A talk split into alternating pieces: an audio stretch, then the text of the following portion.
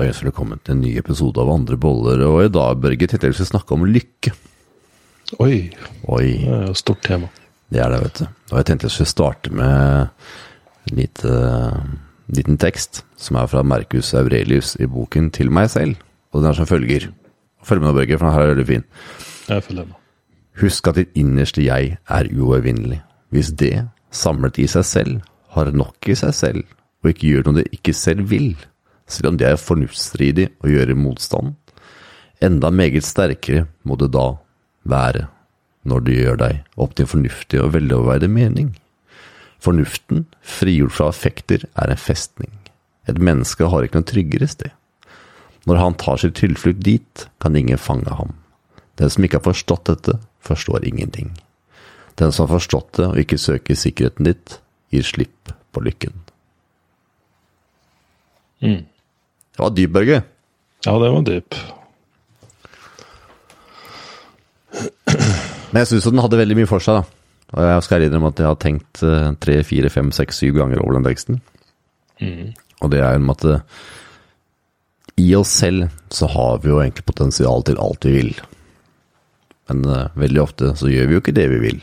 Vi gjør ofte det stikk motsatte. Vi saboterer ofte for oss selv, da. Og det var det jeg mener med at vi gjør ofte vi ikke vil. Vi lager oss gjerne formening om noe. Vi bare begynner med noen eksempler. Og det kan være at det kanskje du ønsker å begynne å trene, eksempelvis. Du ønsker å begynne å spise sunnere. Men du tenker merker sånn at nei, vet du hva, i min hverdag har jeg ikke tid til trening. Prioritere det, det har jeg ikke muligheten til. Eller jeg har ikke muligheten til å prioritere å spise sunnere. Det er kanskje blitt for dyrt, eller har ikke tid til. Altså det blir nedprioritert, da. Så det er litt det med at eh, i oss selv så har vi nok muligheten til å trene bra, spise sunt og stresse mindre og ha et veldig bra liv, men så lager vi hele tida formeninger i oss selv om at det kan vi ikke få til, eller det er vanskelig å få til, eller vi saboterer for oss selv. Mm. Så litt det jeg tenkte vi skulle prate om i dag.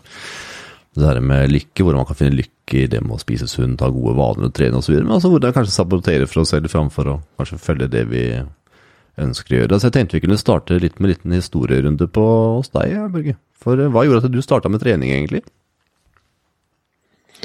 Uh, jeg starta vel egentlig med trening fra et uh, ikke, ikke en søken om lykke, uh, men kanskje mer en sånt um, behov for å bli sett. litt som valideringsbehov, eh, og også litt som beskyttelsesbehov. Jeg var ikke akkurat noe sånn fysisk sterk. eh, Tvert imot. Det var liksom alltid den som var litt sånn underdog, som det sies. Den typiske underdog-historien. Ble ikke direkte mobba heller, men ja, ja og så, som jeg har vært inne på tidligere, hadde jeg jo en pappa som ikke var eh, verdens beste farsfigur. Eh, sånn at eh, Du har ikke sagt om det om det i denne podkasten her før, Birger? Nei, pappa hadde jo et alkoholproblem og var jo både lite til stede fysisk og mentalt, for å si det på den måten. Han brukte vel det her for å takle sine egne emosjonelle øh, stormer. Um, eh, og da kunne det gå litt utover meg, da. Både liksom i form av uh, fysisk straff, men også fravær av uh, oppmerksomhet og kjærlighet. Så jeg fikk jo kanskje ikke den farsfiguren som jeg hadde trengt for å få en sånn balansert oppvekst. Så eh, jeg søkte veldig tidlig at uh, jeg har alltid vært fascinert av superheltfilmer. Sant? Alt som har med at en, en person har sånn super overmenneskelig styrke. Uh, og, og He-Man og Masters of the Universe var liksom en sånn stor greie for meg da jeg vokste opp. Uh, så jeg begynte å Ikke bare å trene, da, og skulle liksom trene og, og, og bli sterk, men eh, Ja, liksom blir litt sånn overmenneske, da. Litt sånn usårlig, usårbar. Det var en greie for meg. Og da tenkte jeg at veien dit var å bygge muskler.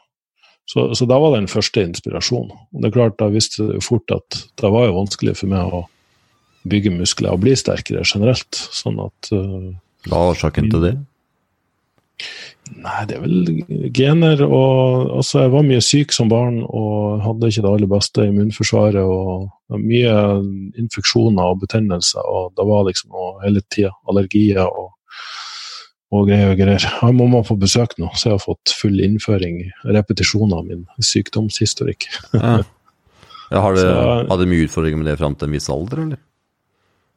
Ja, det varte nok eh, både opp til pubertet og forbi det punktet. Og, og da når jeg begynte med trening og, og liksom var ekstra bevisst på kosthold, så kom ikke resultatene umiddelbart. Det, det kom en del resultater, det gjorde det. Eh, og jeg kommer fra et lite sted der det å løfte vekter ikke var så veldig vanlig. Så det var jeg og en kompis som begynte å trene, og han var jo selvfølgelig mye sterkere enn meg, veldig mye raskere enn meg. Eh, så da drev liksom jeg hele tida til å finne det beste eh, programmet og måten å trene på. og sånn. Så når jeg da begynte å liksom få litt resultater og sånn, så det tok jo litt lengre tid, og han kompisen min falt jo fra. For han har jo ikke den mm, Skal man kalle det motivasjon og viljestyrke? Um, det er vel mer sånn, jeg tenker for mange, hvis det kommer litt lett, da, så er det kanskje fort gjort at det ikke blir spennende eller interessant. Eh, I hvert fall ikke det å lære seg hvordan det her fungerer. Så jeg brukte mye tid på å lære og lese og taste ut og eksperimentere, sånn at det fant noe som fungerte. Det med lykke, Børge, tenker jeg at det er et begrep som eh, omfavner så mye, tenker i alle fall jeg. Det er sikkert mange som har forskjellige typer tanker om hva lykke er, men fall mitt begrep om det er det. i alle fall. At lykke er jo en godhetsfølelse. Det anser jeg som lykke.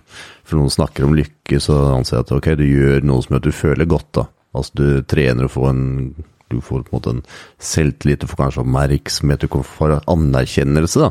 Så anser jeg det som en lykkefølelse, altså en godhetsfølelse, da. Så når du da begynte å se at du begynte å få resultater og begynte å få anerkjennelse for det, så er det en form for lykkefølelse, du får mestringsfølelse og en godhetsfølelse. Absolutt. Men eh, jeg vil jo si at den veldig kortvarige følelsen av lykke, den, den ble også veldig sånn overfladisk. og dypt under det her eh, så lå det jo fryktelig mye grums. Sant? Det lå jo veldig mye sånn eh, negativ energi og, og, og negative følelser som, som, liksom trakk meg ned og holdt meg nede. Så, så de korte gispene jeg fikk av, av luft der oppe i overflata, de ble veldig sånn kortvarige og, og hadde veldig kort holdbarhetstid også. Eh, så, min vei gjennom det her for å komme til det punktet der jeg får en mer varig lykkefølelse og mestringsfølelse og glede av det, det har jo vært å fjerne mye av det som holdt meg nede. Det er som hvis du prøver å svømme og du har betongstøvler på, så er det veldig tungt å holde seg på overflata. Og det er jo et negativt tankemønster, da, for det er det du i utgangspunktet da har dratt med deg hele veien. Det var det vi snakka om litt sånn innledningsvis også, at du er sterk nok i deg selv, så sant du ikke har negative mønstre som, som skygger for det du er, for du er sterk, da. Og jeg tenker at styrke det er jo å gå begge veier. Man kan være kjempesterk i negativ retning, og man kan være kjempesterk i positiv retning. så det høres Ja. ut som at du har vært kjempesterk da i den negative retningen, da. På en måte kanskje bearbeide seg selv, eller være nag, eller hva det måtte være som har, som har hengt igjen. Hva gjorde du da for å gi litt slipp på de her negative mønstrene, Norge? Jeg måtte gjøre en større jobb med innstillingen jeg hadde til meg sjøl. For det er klart, det her er jo en sånn programmering som blir forma gjennom mange år, gjennom en barndom og en fintlig periode i livet der du eh, lærer deg sjøl å kjenne. da. Um, og det er klart, fraværet av ja, fraværet av genuin kjærlighet, oppmerksomhet og den valideringa, um, den gjør jo at det her må på en måte fylles på av meg sjøl over tid. Jeg hadde jo en periode der jeg forsøkte å få det her fra det motsatte kjønn. Og, og det er klart, hvis det blir et litt sånn forstyrra forhold til å skal få den valideringa, altså at man eh, higer etter den, at jakter veldig etter å få den, så blir det sånn, sånn overdrevent. Og, og det er veldig merkbart fra en annen person hvis at du kun ønsker å være sammen med dem fordi du trenger å fylle på noe i deg sjøl. Så, så, så der også oppdager jeg veldig fort at ok, men det funker ikke. Man kan ikke drive og heller lure eller snike seg til å få det her. Så gjemme over at du egentlig innerst inne er veldig sårbar og har en dårlig sjøltillit. Mm. Men det tok litt tid for du merke det, eller? det tok litt tid før jeg oppdaga at det var et problem. Ja. Eh, At det var grunnen til at det ble mer frastøtende enn tiltrekkende. Sånn at jeg måtte rett og slett uh, jeg går veldig mye med sjøl, via meditasjon og via mye selvransaking, og stille et spørsmål til de overbevisningene jeg hadde fått om meg sjøl. Om det virkelig stemte at jeg var liksom, stygg og svak, og liksom alle de tingene jeg og sagt til meg sjøl veldig mange år. da. Jeg måtte liksom prøve å finne ut av ok, men hvor kommer det her fra? Eh, hvorfor går jeg rundt og sier det her til meg sjøl hele tida, og stemmer det egentlig? For det er jo litt sånn at vi skal jo alle sammen være like mye verdt, uavhengig av utseende og fysisk uh, styrke, men det blir fort um, Det blir fort sånn at du lærer at de som er pene å se på og sterke og gode i fotball, og sånn, de får mye validering, mens du ikke får det. Spesielt gjennom skoletid og ungdomstid. Der, der er du liksom helt når du presterer eller ser bra ut. Eh, og da er det vanskelig å bryte den eh, programmeringa. Så der kommer i voksen alder der det er andre verdier som, eh, som blir sett opp til og, og, validert. Og det er klart, jeg fikk mye validering via min kunnskap. Eh, anerkjennelse på den måten, eh, som også blir veldig kortvarig. For det er igjen det her med de betongstøvlene, at du blir holdt nede, og, blir, og kanskje også drar deg sjøl veldig ned hvis du får en negativ tilbakemelding. Eh, 100 gode eh, kan veies opp med en negativ, eh, hvis du allerede har litt dårlig sjøltillit. Så ja, det har vært en, en, lengre prosess. Jeg vet ikke om, om jeg klarer å peke på en enkelt ting. Husker du de spørsmåla som du stilte til deg selv, eller du sa noen av det her, men jeg, jeg antar at det er Det med negative tankemønstre er jo tanker som går på automatikk, og det er det først vil da komme spørsmål til som liksom vi kan måtte, realisere at de er der, og så må vi gjøre noe for å bryte de, selvsagt. Husker du litt hvilke spørsmål som du begynte å liksom terpe på at åh, nå ser jeg den er der igjen, ok, greit, nå stiller jeg et spørsmål her. Da må jeg liksom bryte det mønsteret med å stille de spørsmålene. Husker du noe av det, eller? Det handler nok mer om å gjennomskue det jeg kaller det en psykologisk illusjon. Det her med at man går rundt og sier veldig mye til seg sjøl, og, mm, og, på den måten eh, Og så hadde jeg hatt en ond, ond tvillingbror som han og sagt til meg hele tida at jeg var stygg og udugelig. Så hadde jeg jo etter hvert begynt å tro på det. Eh, sånn at jeg måtte, måtte nummer én begynne å snu på de tingene jeg sa til meg sjøl, og begynne å forestille meg, visualisere og forestille meg veldig at jeg var en sterk person med god sjøltillit, og at jeg hadde verdi. Og eh, selvfølgelig litt ekstern validering får man innimellom uh, uansett, da. Um, men jeg begynte nok også å, å Jeg husker en film som, som, faktisk hadde stor betydning for meg back in the day, og da var det Matrix. Oh, ja. Ja, ok, interessant. Den, husker jeg, den, husker jeg, så på kino en gang, og ikke bare var det den superheltgreia uh, med at han var the one og liksom klarte å stoppe kule til slutt, men det var da at han til slutt innså at alt var bare en illusjon. Virkeligheten var en illusjon. Uh, så, så, liksom den tankegangen ble på en måte litt sånn frigjørende, befriende for meg. At det er sånn, Jeg kunne på en måte forestille meg at ja, men vi lever egentlig bare i en slags sånn fiktiv virkelighet, og etter hvert som jeg også begynte å utforske litt eh, den alternative verden og, og litt sånn klarsyn og eh, den type evner, intuisjon, instinkt, um, som jeg ofte kaller det, for å ufarliggjøre det litt for folk flest som er veldig skeptiske. Så, uh, så, så, får du òg en sånn tro på noe større, da. Og, og da blir aldri religiøst for meg. Noen går å bli veldig religiøs. fordi det å tro på noe større enn deg sjøl gjør at det løfter det ut fra ditt eget ego. For meg så handler det mer om ja, å finne trygghet, ikke minst. Større. Hva sier du? Ja, å finne trygghet, ikke minst. Ja, trygghet. Og den tilhørigheten vi er jo flokkdyr. Så det å føle at du uh, har noe felles med alle mennesker på jorda, liksom, gjør mm. at du klarer å stå mer i det sjøl.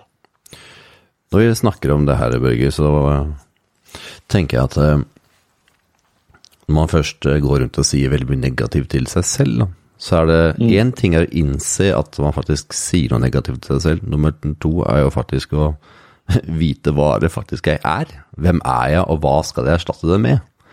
Ja. For at når man har gått i mange mange år da, og sagt noe negativt, så er det ikke bare bare ja, nå skal jeg gjøre noe positivt her, og så hm, ja, nei, det var egentlig sagt enn gjort. så hva gjorde du da for å forstå ok, jeg må erstatte det her med noe? Øh, Hva skal jeg erstatte det med? For det er jo ingen som tror på, Ja. på en løgn når man har fortalt seg en løgn i, i anførselstegn. Ja, ja. Når man på en måte har fortalt seg en sannhet av anførselstegn i mange år, så må man erstatte med noe man selv tror på i andre sida. Ja, og det er jo nettopp tilbake til den metaforen med å ha de betongstøvlene på seg. Du, du kan prøve å svømme så hardt du bare vil, men du vil slite noe voldsomt for å holde deg i overflata. Og det var sånn det føltes, da. Så jeg måtte i stor grad prøve å nøytralisere det her. Eh, jeg gjorde jo noen ganske sånn brutale øvelser som gikk på både å, eh, å prøve å forestille meg min egen død, f.eks., og hva døden innebærer. Eh, jeg var til og med på et sånt kurs der vi skulle eh, lage vår egen begravelsestale. Der vi skulle stå og snakke som om vi var vår egen venn eller bror eller, eh, eller far eller hva enn. da. Så ting virker sånn. i perspektiv, da. Ja, fordi da måtte sånn rent objektivt vurdere mitt eget liv, og det er jo liksom det her med skjærsild og livet passerer revyøvelsen, som da sies at alle skal gjøre når vi, når vi dør. Eh, og den måtte liksom da fysisk stå og gjøre, og, og, og liksom snakke om meg sjøl i tredje person. Og Da kan du sjøl forestille hvem du ønsker å være. og For meg den gang så forestilte jeg meg at jeg var min egen sønn. For meg har jo det her å være den lille gutten, sårbare gutten, som kanskje var fanget i en stor kropp, vært en sånn metafor som jeg har fått tilbake fra veldig mange spirituelle veiledere også. At de så den lille gutten, sant, som aldri fikk kjærlighet. Typ. Eh, Så for meg å stå der som min egen sønn og holde den, det ble en veldig emosjonell og rørende opplevelse, som, som gjorde at jeg på mange måter innså hva jeg hadde holdt på med, hvis du skjønner. Altså, jeg hadde liksom mishandla meg sjøl og, og ikke vært spesielt snill med meg sjøl hele tida, fordi jeg forestilte meg at jeg hadde ikke noe verdi. Bare i meg sjøl så hadde jeg ikke noe verdi. Jeg måtte hele tida prestere og levere for å ha noe verdi. Jeg måtte løfte en viss vekt, jeg måtte ha en viss fettprosent, jeg måtte liksom være noe spesielt hele tida for, for å kunne få anerkjennelse, eller var noen å være glad i, da. Og da fikk jeg sånn, et sånn skråblikk på akkurat perspektivet, som gjorde at jeg i mye større grad begynte å ja, slippe litt taket, da. Altså den betongskoen begynte å løses opp og forsvinne. Sånn at det ikke ble fullt så vanskelig å holde seg svømmende i overflata. Sånn at jeg, jeg strever mye mindre nå for å få blaff av lykke. Det, det er nok å bare se på sønnen min, så får jeg blaff av lykke. Det er nok å liksom Det her med å vise takknemlighet, det er òg en sånn øvelse som mange oppfordrer til. At du skal sette deg ned og vise takknemlighet. Og, og, og det ga meg heller ikke så mye før jeg igjen da fikk av meg de betongskoene, før den tyngden forsvant med at jeg ikke var noe verdt. Så, så, så måtte jeg liksom streve så mye for å kunne være takknemlig for det jeg allerede hadde. Mens nå er det mer sånn, nå får jeg bare blaff av takknemlighet over ingenting. Altså over små bagateller. Det er sånn enkelt, føler jeg. Og føle at jeg genuint er takknemlig. I stedet for å hele tida um, skulle søke etter et bestemt mål. da. Jeg må ikke løfte noe bestemt i benkpress eller ha en viss bicepsstørrelse eller ha en viss fettprosent eller vekt lenger for å liksom tro at jeg skal gi et, et blaff av lykke i det hele tatt. Jeg, jeg bare får det ved å være den jeg er, liksom, til, fra dag til dag. Men for all del, jeg har mine dager og perioder under overflata også, der, jeg, der føler jeg som man skal drukne. Så, så det er ikke sånn at man går rundt og er evig lykkelig. Men jeg tror det aller viktigste er at jeg slutter å jage etter lykke. Mm. Det, det vil jeg faktisk si. Jeg, først vil jeg bare si at uh, vi har snakket om det med intensitet før. Og jeg vil bare l- forklare litt mekanismen bak det med å Så at den som hører på, også forstår hvorfor det fungerer. Og det er jo at du da får, uh, som din sønn, da, ikke sant, står og måtte måte eh, gravlegger sin far, som er deg selv. Ja. Ja. Så gir det en ekstrem grad av intensitet i følelsen du kjenner. Og det er det vi vet at skal man måtte endre noe da, som trenger en høy, en høy grad av intensitet. Mm. Så det er på en måte årsaken til at det her ville funke. Nummer to, Børge, det er eh, Du ville jo mest sannsynlig aldri blitt den personen du er, hvis ikke du hadde hatt de utfordringene du hadde. Så det også er veldig viktig å huske, da. Det er at uh, ville du vært en person som fordypa deg dypt ned i alt som hadde med forskning å gjøre på trening, kosthold osv., så videre, så hvis ikke det hadde måtte ha vært det behovet for anerkjennelse og vise at vet du hva, jeg er flink til det her, og jeg får anerkjennelse for at jeg på en måte er dyktig i det jeg skal formidle. Hvis du ikke hadde hatt det behovet, tror du du hadde jobba like hardt da, eller? Nei, og det er jo veldig godt poeng. som hele tida blir eh, altså, som, som, som, jeg også bruker ut mot mine eh, klienter. Fastes litt i, i, halsen her. Um, at er jo, som du sier, en funksjon av det jeg måtte lære meg. Altså, alt det her som ble drevet av um, et negativt selvbilde, av negative følelser, hvis vi skal kunne sette merkelappen på det. Um, og alle de problemene jeg har hatt og egentlig laga for meg sjøl også, det har jo gjort meg sterkere. Det har jo gjort at jeg har måttet utfordre meg sjøl absolutt hele tida.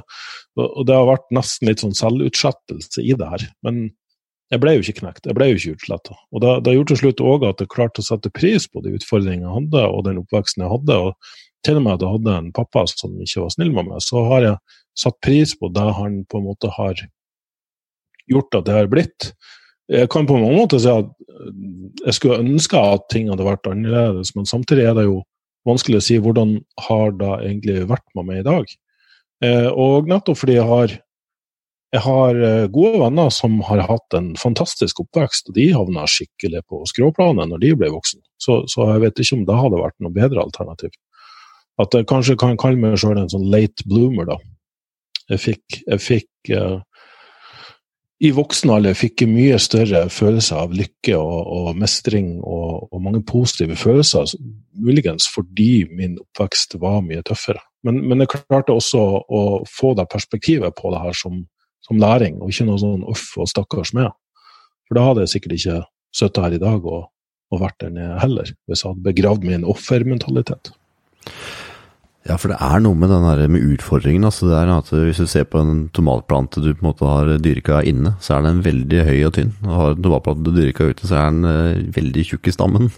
Og det er det at mm. man må tåle vind. Og det er noe med at uh, når man får mange typer utfordringer, så er det mange tenker at å nei, åh, det er så urettferdig at jeg får de tingene her, og det er så urettferdig at jeg kjenner på det. Ja. og det er jo veldig mange som går i offer, og veldig mange har, får jo mer utfordringer enn andre. altså Det er jo ikke noe å legge under en stol, det, at det er noen som får veldig mange utfordringer, mye mer enn mange andre får. Og det som eh, jeg tenker som så at eh, prøver i alle fall å se på livet som en sett med utfordringer. da, Og det er hvordan har du løst de utfordringene.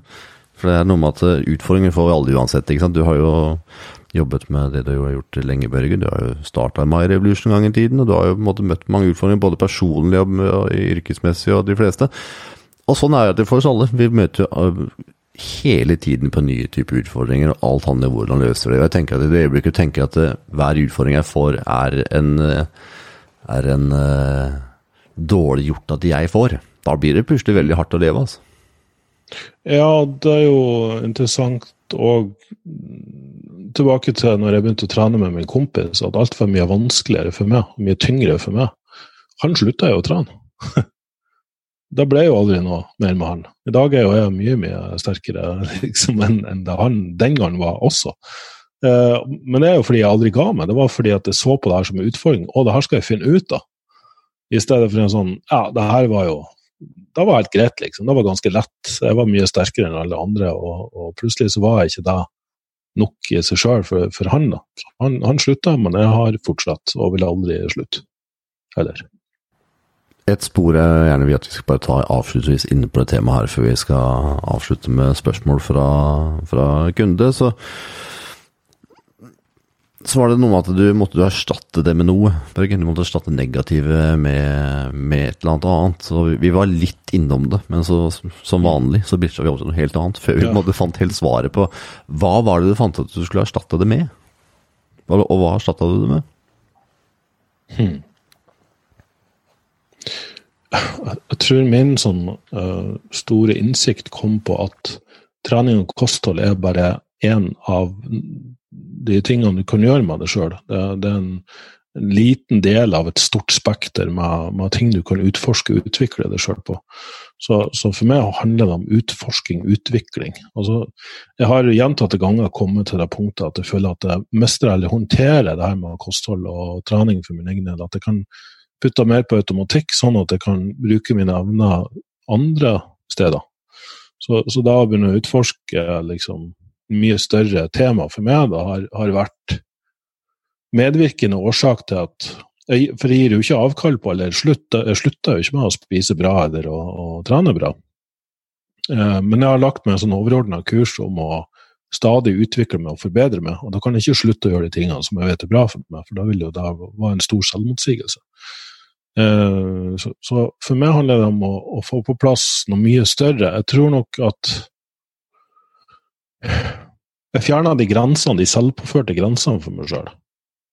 Um, jeg, jeg, så på det her som noe mye større. At, at alt var kortvarige barrierer som skulle brytes. Jeg, jeg, skulle bryte ned alle barrierer. Det ble en sånn Utvikle meg til, til, å bare bli noe større, og det var da ikke i form av noe superhelt i det hele tatt, men det var bare en sånn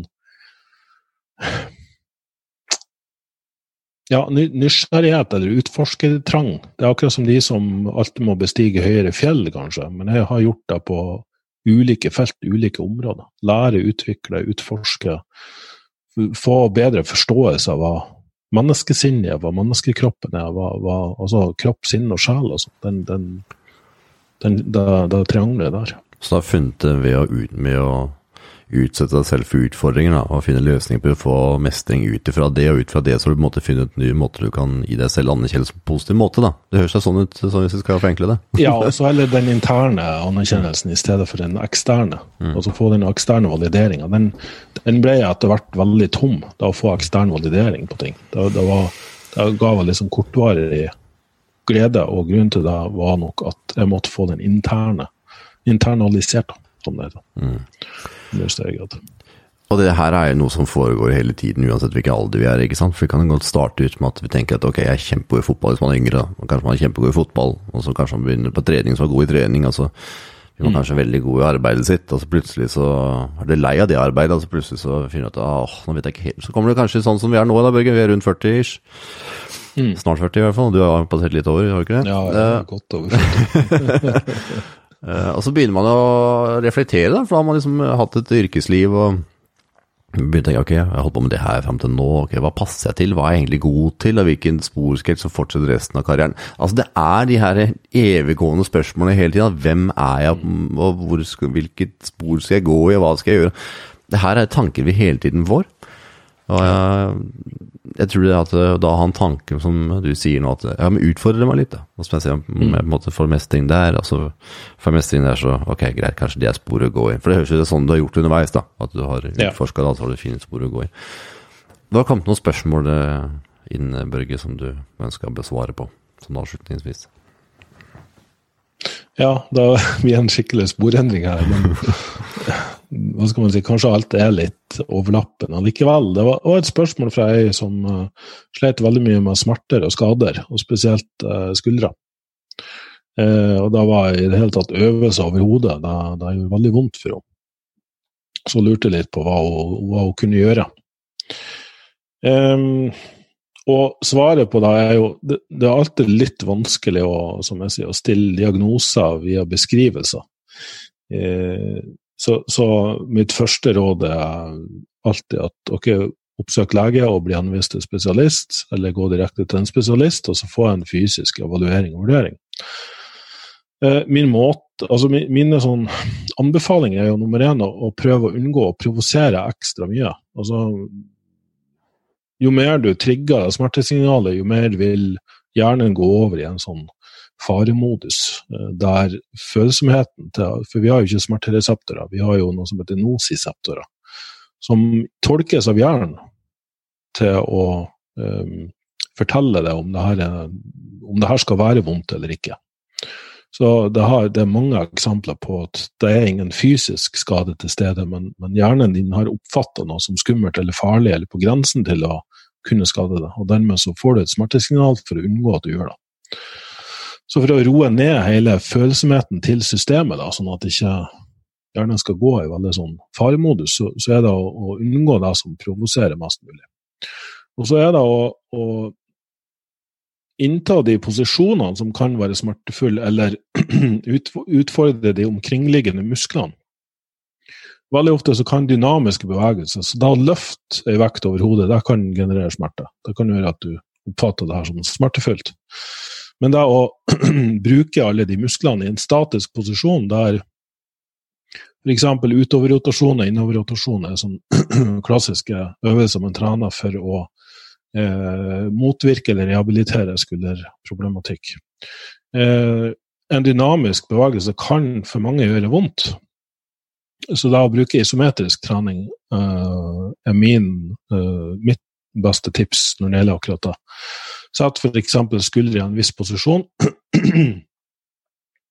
og så belaste isometrisk, altså presse imot en vegg eller en strikk, eller uh, holde en eller annen statisk posisjon i fem til ti, kanskje opp til Kanskje ikke heller så intenst at du kun klarer å holde i fem sekunder, men prøv å holde i 45 til 60 sekunder i den posisjonen. Så tre til fire serier med en øvelse som belaster, spesielt utoverrotasjon, er en, en bevegelse eller en muskel som ofte blir provosert eh, fordi den er den brukes i så mange bevegelser og er med å stabilisere og støtte opp skulderbladet ditt og, skulderleddet ditt.